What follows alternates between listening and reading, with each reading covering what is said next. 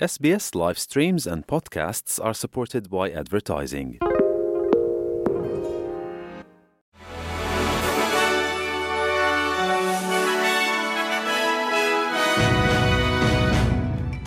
听众朋友，下午好，我是 SBS 记者林默。今天是二零二四年一月八日，星期一。本期 SBS 新闻快报的主要内容有：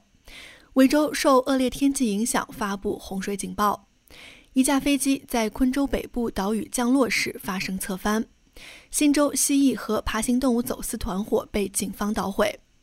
女足队长卡尔或因伤错过奥运会预选赛。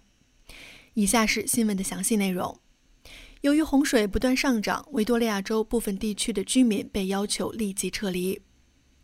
Goulburn Valley 的 Simo 发出紧急警报，要求人们撤离，而包括本地狗在内的其他地区也发出了观察和行动警报。维州的中部、中北部和东部地区已进入警戒状态，紧急救援人员在澳大利亚东南部展开了洪水救援，并对数百个求助电话做出了回应。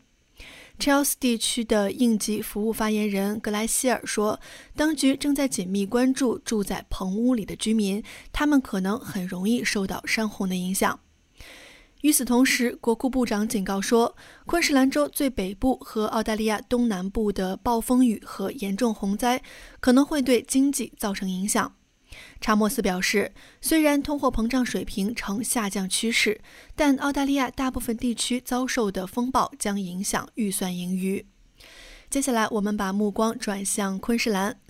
一架载有十名乘客的飞机在昆士兰最北部的一个岛上试图降落时发生侧翻，飞机似乎冲出了蜥蜴岛的跑道，机上人员多处受伤，包括头部创伤和手臂骨折。救援人员已经飞往这个位于凯恩斯以北约两百四十公里的著名度假胜地。昆士兰救援人员报告称，所有乘客都已离开飞机，一些乘客正在接受进一步治疗。再来看看新州的消息，新州警方捣毁了一个涉嫌非法出口野生澳大利亚蜥蜴和爬行动物的犯罪团伙。犯罪团伙涉嫌企图向香港出口价值超过一百万澳元的澳大利亚本土蜥蜴和爬行动物。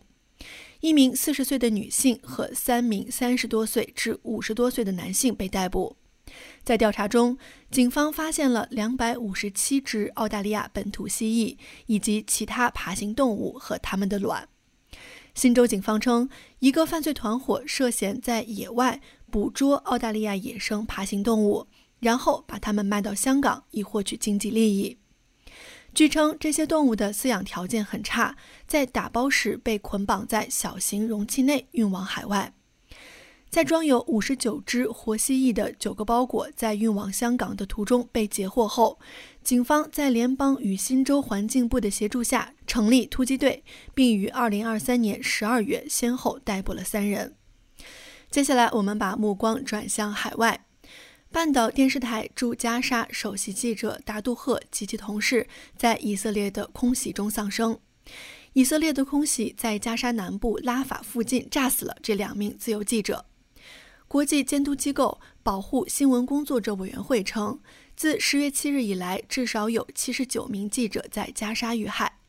该组织多次对加沙记者成为明显的袭击目标表示关切。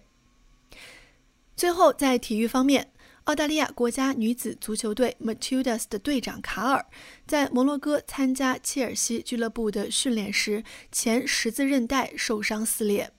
如果澳大利亚如愿获得巴黎奥运会的参赛资格，这位三十岁的老将可能将因伤无缘巴黎奥运会。Matildas 的教练古斯塔夫松表示，这一消息是毁灭性的。卡尔已确定无法参加切尔西俱乐部的英格兰女足超级联赛的下半赛季和欧洲冠军联赛，以及下个月的亚洲足球联合会女子奥运会预选赛的第三轮，也就是澳大利亚对阵乌兹别克斯坦的比赛。在本次奥运会预选赛中，澳大利亚女足只需战胜乌兹别克斯坦，就能获得参加巴黎奥运会的参赛资格。好了，以上就是本期 SBS 新闻快报，感谢您的收听。您可以在任何播客平台搜索 SBS 新闻快报，点击订阅，开启消息提醒，了解澳洲国内外新闻以及社区信息。